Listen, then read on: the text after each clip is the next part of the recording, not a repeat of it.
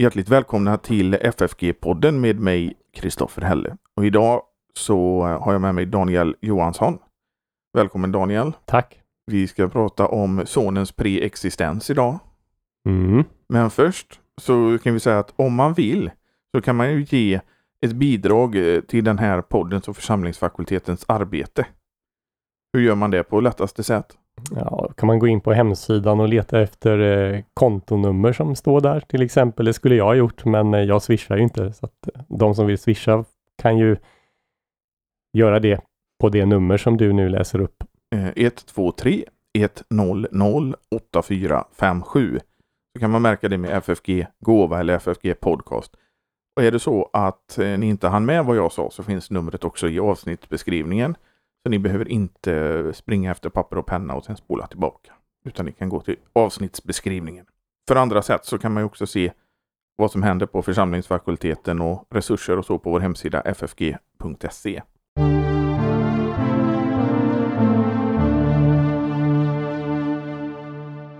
Ja, Daniel, vi ska prata om det som kallas för sonens preexistens, alltså att sonen fanns före han blev till kött så att säga, före inkarnationen. Ja, Och då är det viktigt, tänker jag här inledningsvis, att när vi talar om preexistensen, att vi, vi, vi förklarar vad vi menar med det. Nu sa du innan han blev människa, det vill säga att han har existerat under Israels folks historia innan han förenas med, med kött i Marias eh, moderliv. och det är en förståelse.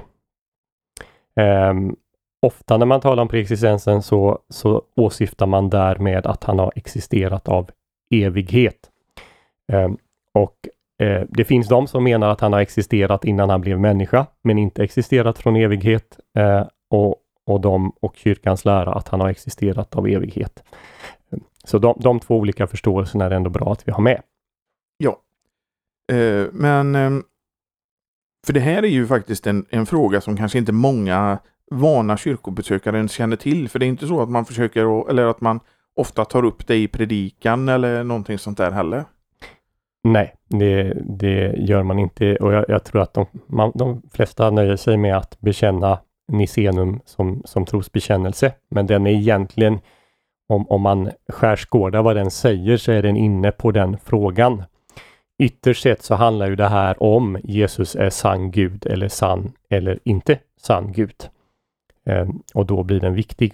Jag, jag tror att man, när man talar om det här så talar man mer om det i kategorier om, om, om Kristus är, är sann Gud eh, på riktigt eller om man inte är det. Man bara är halvgud eller, eller underordnad Gudfader på något sätt. Hur vi lär om, om Kristi preexistens, det är ju ur den källa som vi hämtar allt ifrån. Och det är ju skriften. Ja, Och då börjar vi i Genesis 1 egentligen. ja det, det kan man göra. Eh, eh, Eh, I Genesis 1 och 1, första versen i begynnelsen skapade Gud himmel och jord. Och här kommer vi ehm, här kommer vi egentligen rakt in på de här frågeställningarna som teologerna i kyrkan sysslade med, eh, särskilt under de tre första århundradena. Eh, nämligen först om sonen var med när, när världen skapades eh, och frågan om, om sonen är en del av skapelsen, om han själv är skapad eller om han fanns innan något skapades överhuvudtaget. Det som är lite intressant med den allra första versen i Bibeln, det är att man kan, man kan översätta den på, på två olika sätt. Eh, nämligen det vi översätter med i begynnelsen, Bereshit på hebreiska. Eh, det kan översättas temporalt som vi gör i våra biblar i begynnelsen. Den anger så att säga en tidpunkt. Men samma uttryck kan också översättas instrumentalt, det vill säga att Gud skapar genom begynnelsen. Och sådana eh, spekulationer finns det också i, i, i den judiska litteraturen att Gud har skapat genom en begynnelse. Ehm, och i Nya Testamentet när Jesus själv kallas för begynnelsen, vilket han gör i, i bland annat Uppenbarelseboken, så, eh, så kan man förstå det som en, en sådan uttolkning att, att han är begynnelsen i meningen den genom vilken Gud ha, har skapat världen. Men det är väl åtminstone, det, det, är fyra tydliga ställen i Nya Testamentet som, som ansluter till det här och som uttryckligen säger att sonen har varit med när världen skapades. Vet du vilka, Kristoffer? Jag vet i alla fall att eh, Johannesprologen är en av dem. Där, där har vi en tydlig anspelning på, på saken. En arché eh, på grekiska i begynnelsen och i Johannesevangeliet har vi också det. I begynnelsen var ordet, logos, något vi ska prata mer om strax. Eh, där har vi det. Vi har det alldeles inledning på Hebreerbrevet. Eh, vi har det i eh, första Korintierbrevet 8.6 eh, och även i Kolosserbrevet 1.16. Eh, på alla de här fyra ställena så är det tydligt att, att sonen har varit en, en agent, säger man, för skapelsen. Att Gud har skapat världen genom sonen. Så vi har uttryckliga utsagor om att eh, sonen Logos, eller vad han nu kallas på de här olika ställena, eh, var med i världens skapelse. Och man, det, man kan ju säga att eh, Genesis, eller första Mosebok 1, eh, kapitel 1 och i början på det som man kallar Johannesprologen. Det är ju lite en spegel kan man säga nästan. Ja, Johannes 1 anspelar definitivt på Genesis 1, första Moseboket. Ja, ja, det är klart. Mm. Och det är ju lite, vi kommer komma in på det lite, men kanske lite av Johannes ärende också, varför han skriver så som han gör. Ja, han vill ju visa att, att sonen, ordet, har existerat. Um, om vi nu säger så här då, åtminstone från innan skapelsen. Ehm, men, men sen är hans ärende ju också att detta ord, detta logos, sonen, har blivit människa på riktigt, vilket ju framgår av första kapitlets fjortonde vers när, när det står att ordet, eh, ordet blev kött. Men om vi nu går in på, på kyrkohistorien efter eh, himmelsfärden så att säga. Så börjar det utformas läror om det här. Mm, jag skulle vilja formulera saken så här att, att vi har i Nya Testamentets skrifter några eh, saker som, eh, som slås fast. Och det är de som teologerna i, i den tidiga kyrkan sen eh, jag tror faktiskt brottas med. Hur ska man eh, förklara det här? Hur ska man förstå det? Och en viktig sak, eh, en grund, eh, grundsak, det är att, att det bara finns en Gud. Vilket ju Nya Testamentet på olika sätt slår fast och, och det håller kyrkan också fast vid eh, i en värld där man trodde på många gudars existens. Men, men Nya Testamentet en enda Gud Å andra sidan så beskrivs då Jesus Kristus som om han vore Gud eh, på, på ganska många eh, olika ställen och på olika sätt. Eh, så då har man å ena sidan att, att Gud är en och å andra sidan så, så beskrivs då Gud, Jesu Kristi fader, så som Gud och så beskrivs Jesus Kristus, sonen, så som Gud. Hur ska man få ihop den här eh, paradoxen? Eh, och det är det som vi kan ana när vi kommer in i andra århundradet att man försöker hitta olika sätt att, att förstå det.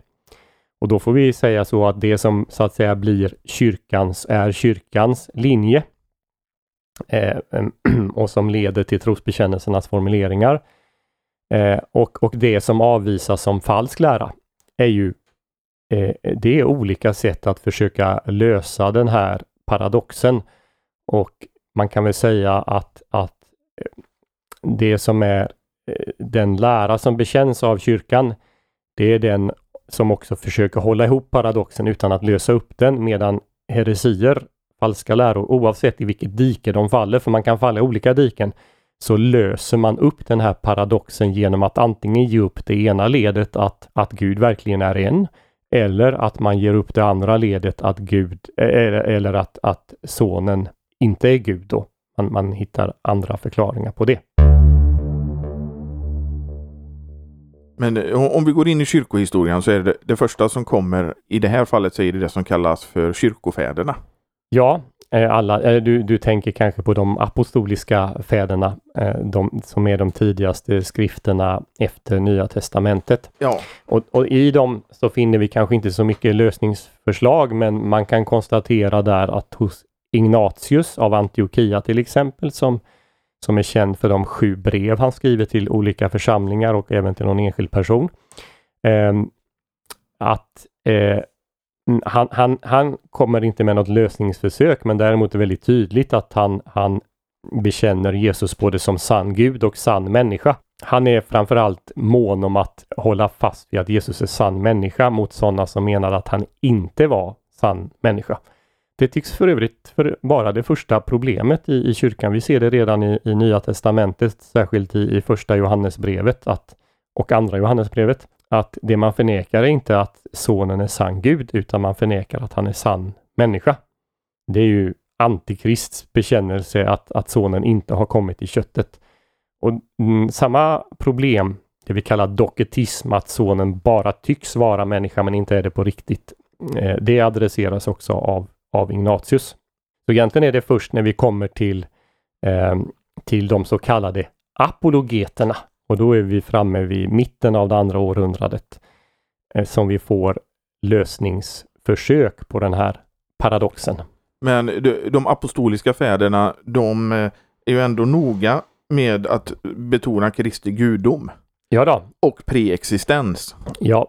Fast de definierar det kanske inte så tydligt. Nej, de, de tar emot det som Nya Testamentet ger och, och, och för det vidare och, och, vissa aspekter, till exempel Ignatius, han kan då han, han kallar Jesus för, för Gud oftare än, än vad, vad som sker i Nya Testamentet.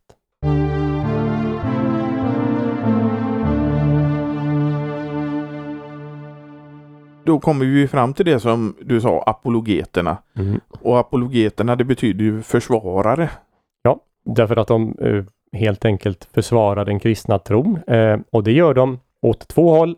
Man försvarar den dels emot mot anklagelse och kritik ifrån från judiskt håll där man inte har mottagit Jesus som, som Messias. Och kanske framför allt så försvarar man den då gentemot eh, kritik ifrån eh, filosofer och, och andra ledande i, i romarriket. Mest känd är Justinus martyren som, som dels skriver sin, sin dialog med, med Tryfon, eh, en fiktiv dialog med en, en, en jude som tar upp den judiska kritiken och sen har han sina två apologier som han då skriver till, till kejsaren i Rom. Det som de här eh, apologeterna är mest kända för skulle jag ändå säga är det här med logoskristologin. Ja, allmänt så är de väl kända för att de då tar hjälp av den eh, grekiska filosofin, de stora filosoferna. Um, och mm, bland annat, dels är de generellt sett ganska positiva till den. De, de kan nästan liksom tala om att, att Gud har liksom på ett allmänt sätt uppenbarat sig genom den här filosofin eller filosoferna, filosofierna. Men man kan också då ta hjälp av vissa av filosofins redskap för att förklara saker och ting i den kristna läran. Och då är det då det, det som väl är allra mest känt, det är ju då hur man använder sig av den så kallade eh, eh logosläran, läran om, om logos, om ordet eller förnuftet eller världsförnuftet som framförallt stoikerna var kända för. Men det grekiska ordet logos, eh, det översätter vi med ord. Mm. Men man kan också översätta det med, med förnuft till exempel eller med, eller med tanke. Eh, så att det finns en, en, en bredare, ett, ett bredare uttryck. Och eh, apologi, eller vad säger stoikerna, de tänkte sig att hela kosmos var liksom ehm, eh, eh, ska man säga, genomträngt av, av logos då. Så det, för dem fungerar logos som något, något världsförnuft. Och, och, och detta logos, eh, det ser man både som, som det kan vara inneboende i, i något, men det kan också komma till, till uttryck. Man gör alltså en skillnad mellan det inneboende eller immanenta logos och det logos som kommer till uttryck, en diathetos, det uttryckta logos. Och det inneboende logos är en människa, vårt förnuft, vårt förstånd. Det kommer till uttryck genom ord när vi talar. Det finns här inne, men det kan också komma till uttryck när man talar. Och det är den här distinktionen som apologeterna faktiskt tar fasta på när man ska förklara förhållandet då mellan fadern och sonen. Och, och, och vi kan ju förstå eh, anledningen till att de gör det för att det finns ju anknytningspunkter i Bibeln. Johannes 1.1 då när, när sonen faktiskt kallas Logos, identifieras med Logos. Eh, och, och vi har också ställen då i skapelsen. Gud talar ju skapelsen i, in i, till existens. Ja, Gud sa det och det skedde. Mm, och även i, i eh, saltarsalmerna, framförallt eh, saltaren 33 är det väl, eh, som talar om hur Gud har skapat världen genom sitt ord och sin ande. Mm, så där har vi liksom hela skapelsen som kommer till uttryck genom att, att Gud talar. Så vi, vi förstår, du hänger med, anknytningspunkterna som, som finns här.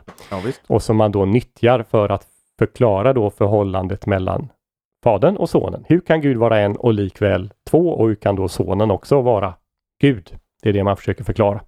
Men sen om vi går in på det här som är vårt ämne då med preexistensen så säger de att från evighet fanns logos hos Gud så som Guds förnuft. Mm.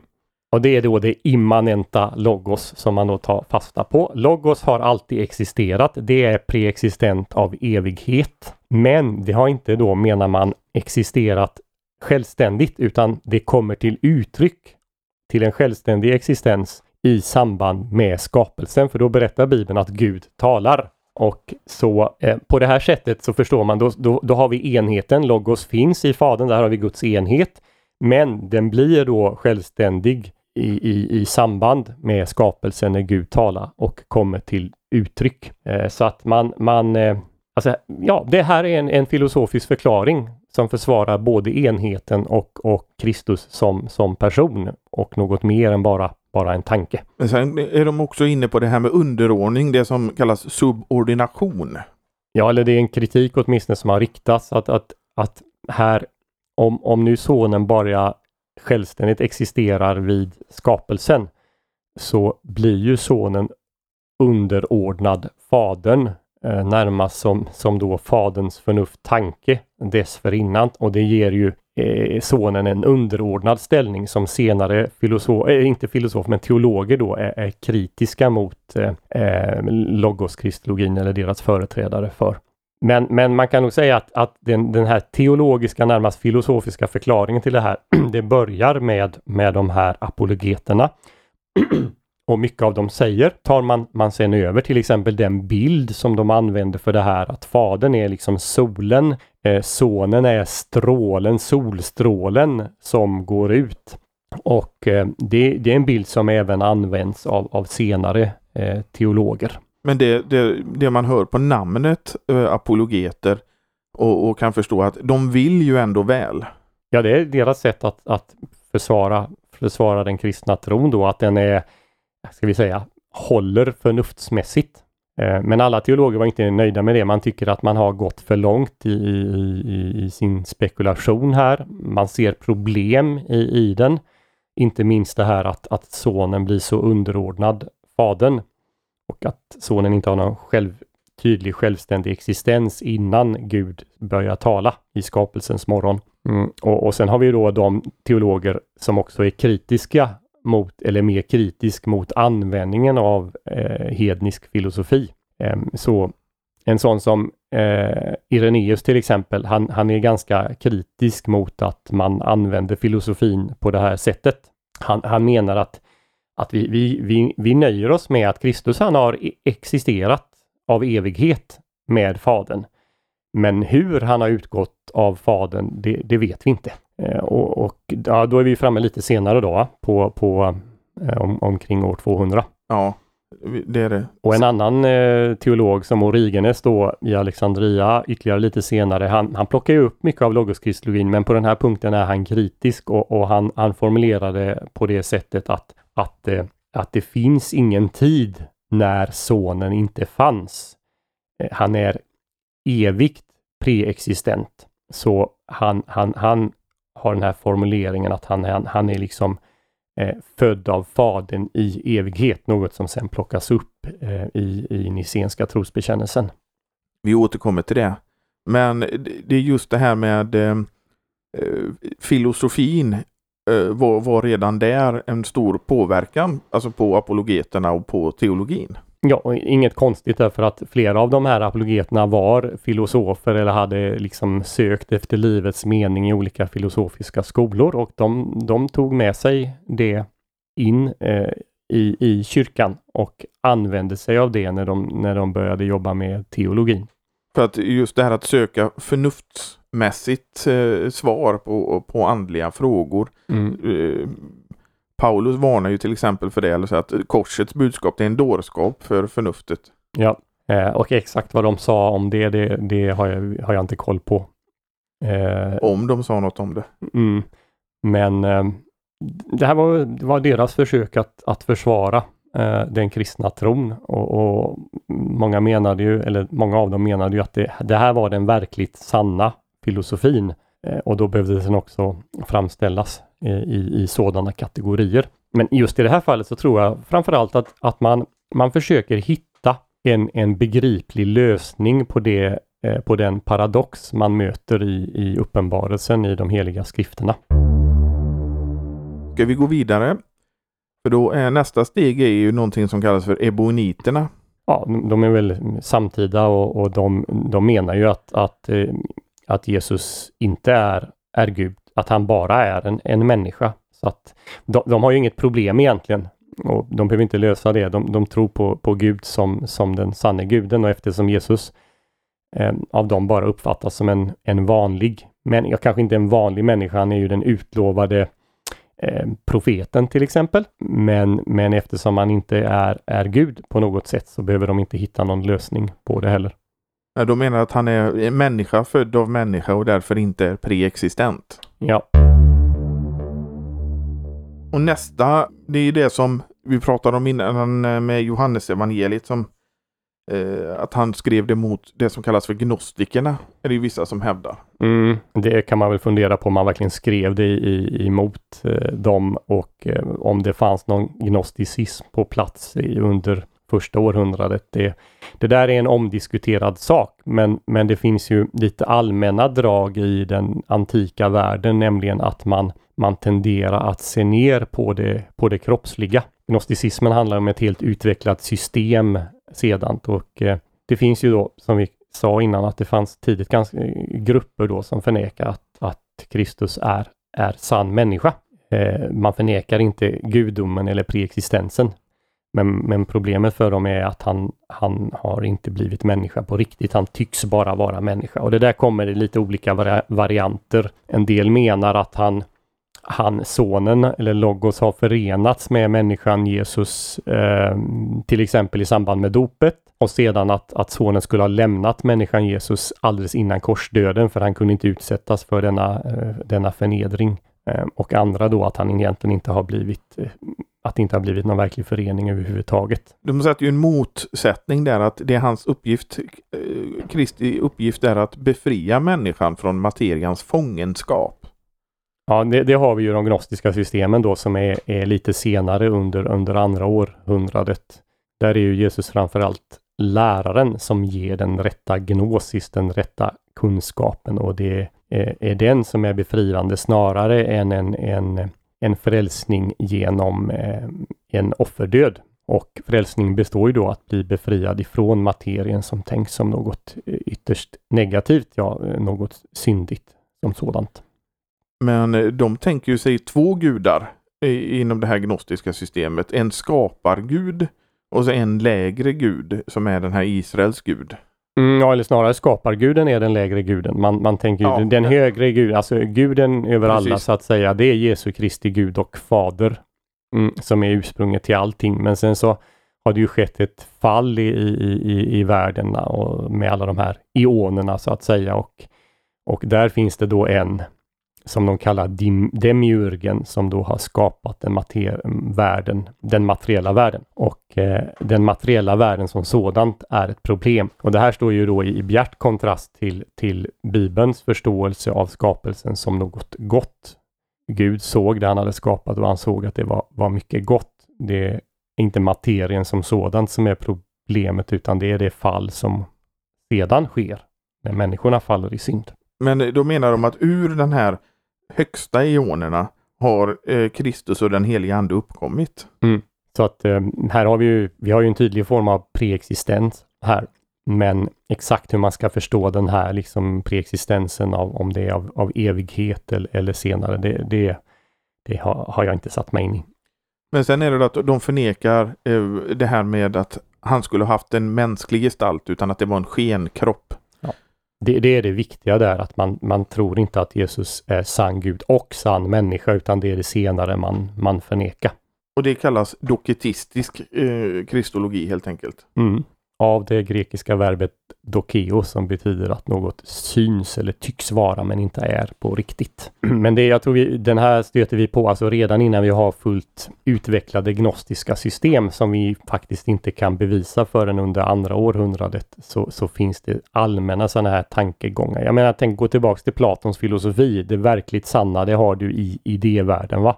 Ehm, så det finns ju en allmän sån eh, kroppsskepticism eller skepticism gentemot materia i den antika världen. Och, så därför blir också den kristna proklamationen av en kroppens uppståndelse något ytterst problematiskt. Men är inte det på ett litet sidospår, är inte det ett litet resultat av syndafallet? Det här att man känner en ohälsosam ko- koppling och ett habegär till det eh, materialistiska och så för, försöker man bota det på något sätt med något filosofiskt system. Jag vet inte. Ehm, människor i allmänhet tycks ha varit skeptiska eh, emot det. Jag tror att man tänker helt enkelt, det var helt absurt att man skulle kunna tänka sig att våra kroppar skulle återuppstå igen. Ehm, märk hur de eh, gör narr av Paulus när han börjar tala om det på Areopagen till exempel. Och vi vet också från den tidiga kyrkans historia att det här var en orsak till förföljelse av de kristna. Läran om kroppens uppståndelse. Mot de här gnostikerna så kom det som kallas de antignostiska fäderna.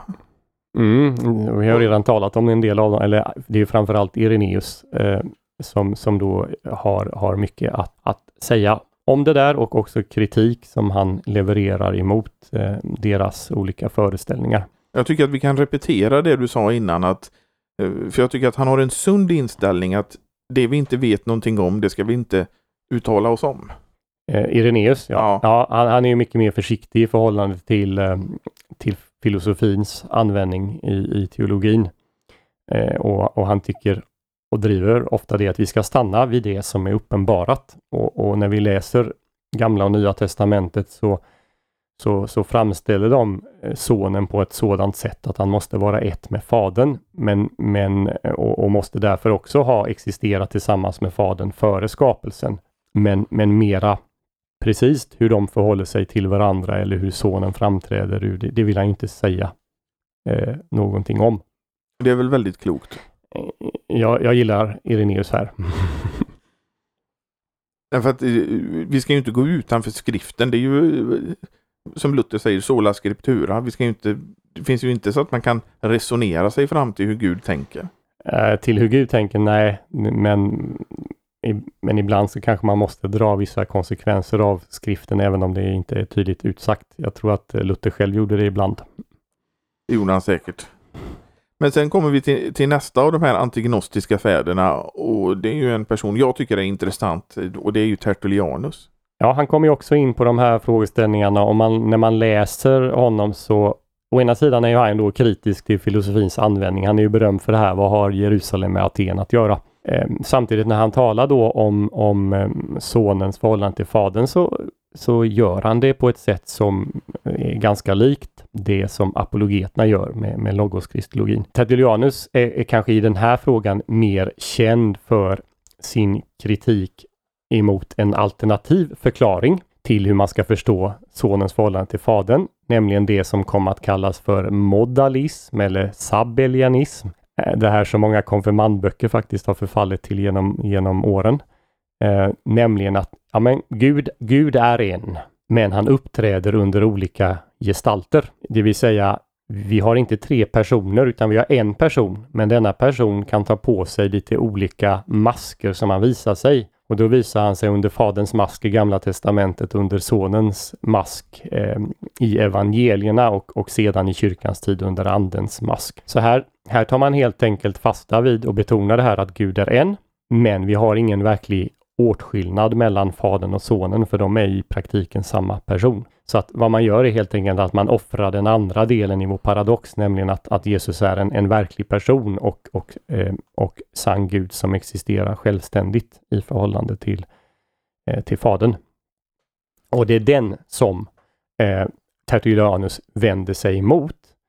Eh, och eh, Eh, det är då i, i, i sin då eh, uppgörelse med det här som han formulerar många, eller ta, ja, faktiskt formulerar många av de termer som sen har blivit kyrkans termer vad gäller treenhetsläran. Till exempel trinitas, eh, treenighet på latin. Och han talar då om, om, om att, att, att Gud är liksom ett, ett väsen som består av, av tre personer. Han var ju mycket av latinets fader, till exempel de här latinska uttrycken. Ja, fader vet jag, det är väl lite för mycket att säga, men däremot var han en sån där som eh, uppfann många nya ord. Jag har sett någonstans att han skulle ha uppfunnit över 900 nya termer på latin och Trinitas är en av dem. Eh, och han pekar ju då på att nej men, det är tydligt både i Gamla Testamentet och Nya Testamentet att vi har samtal mellan Fadern och Sonen. Han läser Gamla Testamentets profetior eh, eller ja, andra utsagor om, om Sonen där som eh, samtal mellan Fadern och eh, Sonen. Och han, han kan eh, hänvisa till hur Jesus ber till, till Fadern. Det måste vi ta på allvar, säger Tertullianus. Alltså finns det två personer som så att säga adresserar varandra. Men det är också att han använder sig av ett eh, kritiserat ord, nämligen osia, eh, substantia här på latin, hosia på grekiska som är väsen. Mm.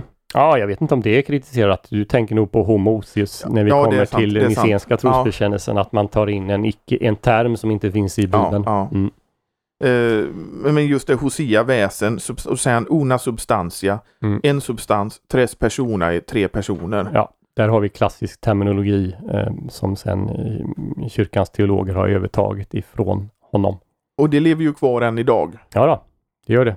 Även, även eh, mm, Tertullianus formulerar även tvånatursläran, att man kan tala om två naturer i Kristus, den gudomliga naturen och den, den mänskliga naturen, som också tas över av senare teologer och som, som det ju sen är en del strider om på 400-talet.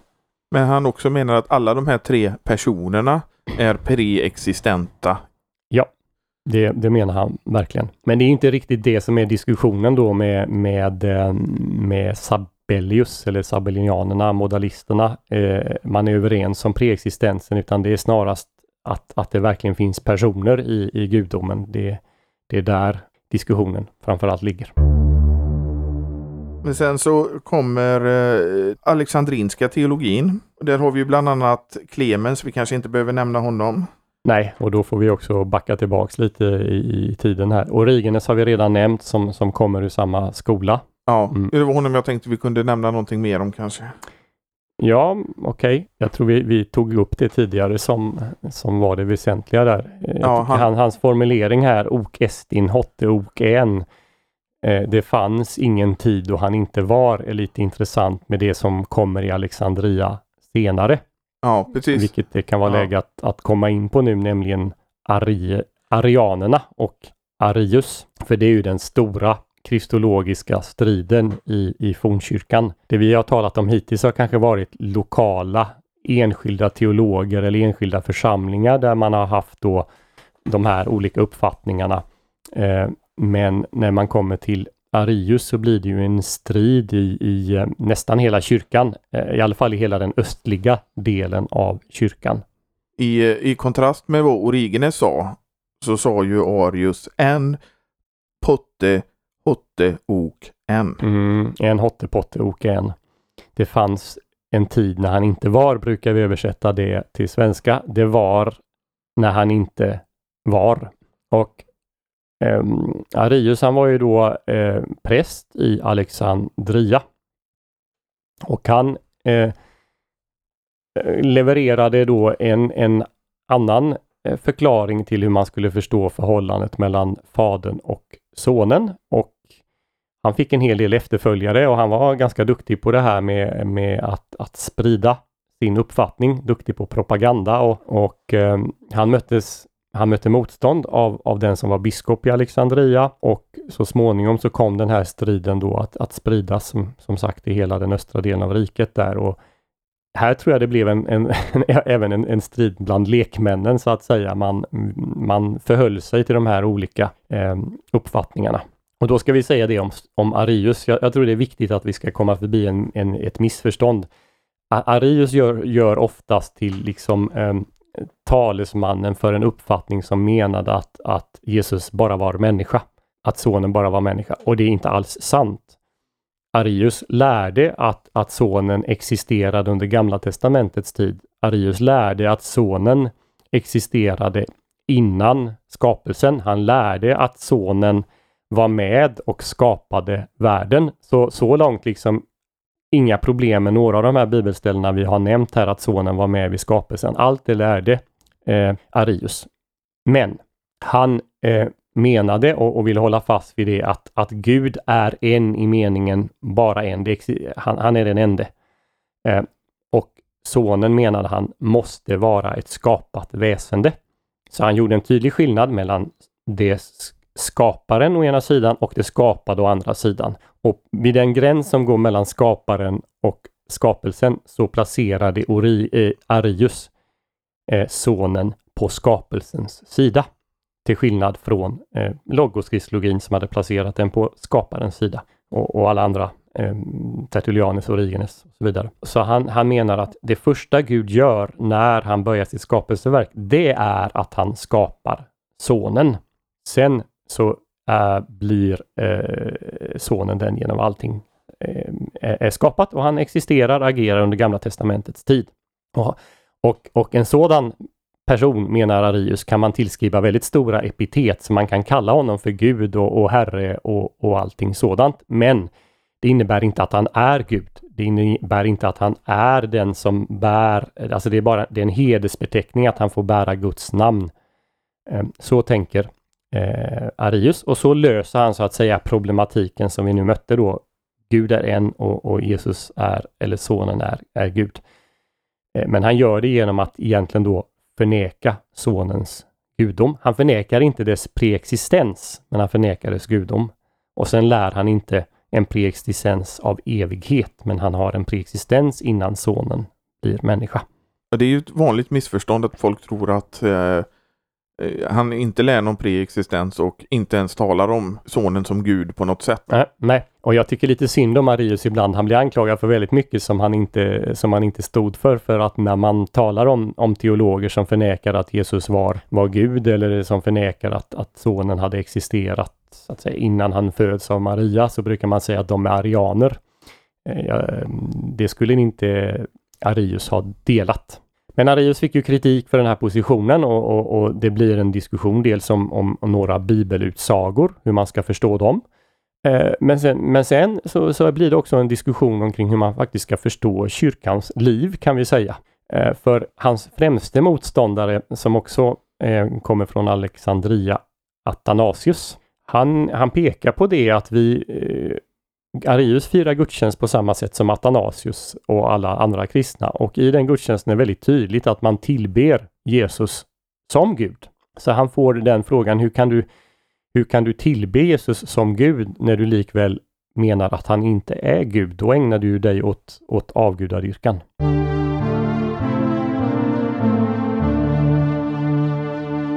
Då kom ju det här kyrkomötet i, i Nicea till. Då samlade, kallade man till det Ja, det blir ju ganska, det blir faktiskt ganska turbulent i romarriket när, och, och kristendomen är ju då sedan ungefär tio år en accepterad religion. Och de kristna är väldigt många. Så Konstantin, kejsaren, han vill ju få lugn och ro i sitt rike och, och därför så samlar han då till det här kyrkomötet i Nicea borta i mindre Asien, det som är dagens Turkiet. Och då får de, de olika företrädarna här för de olika positionerna eh, mötas där och, och, man samlas till, till teologisk eh, diskussion och, och, och, och luftar alltihopa. Eh, och eh, i, i den här diskussionen kan man säga att det finns tre olika partier. Det finns dels eh, de som är direkta arianer. Sen finns det en lite mer förmedlande ariansk position och så finns det då eh, eh den, den ortodoxa positionen. den som går vinnande ur, ur den här striden. Och eh, det är då eh, som, som den här termen vi tog upp tidigare, homoousius, eh, dyker upp. För i, i den här diskussionen så blir det ganska tydligt att, att många av de bibliska eller bibliska epitet för, för sonen, att till exempel kalla honom Gud, det har inte arianerna några problem med. Men problemet, menar då den ortodoxa sidan, det är att man, man omtolkar innehållet hela tiden.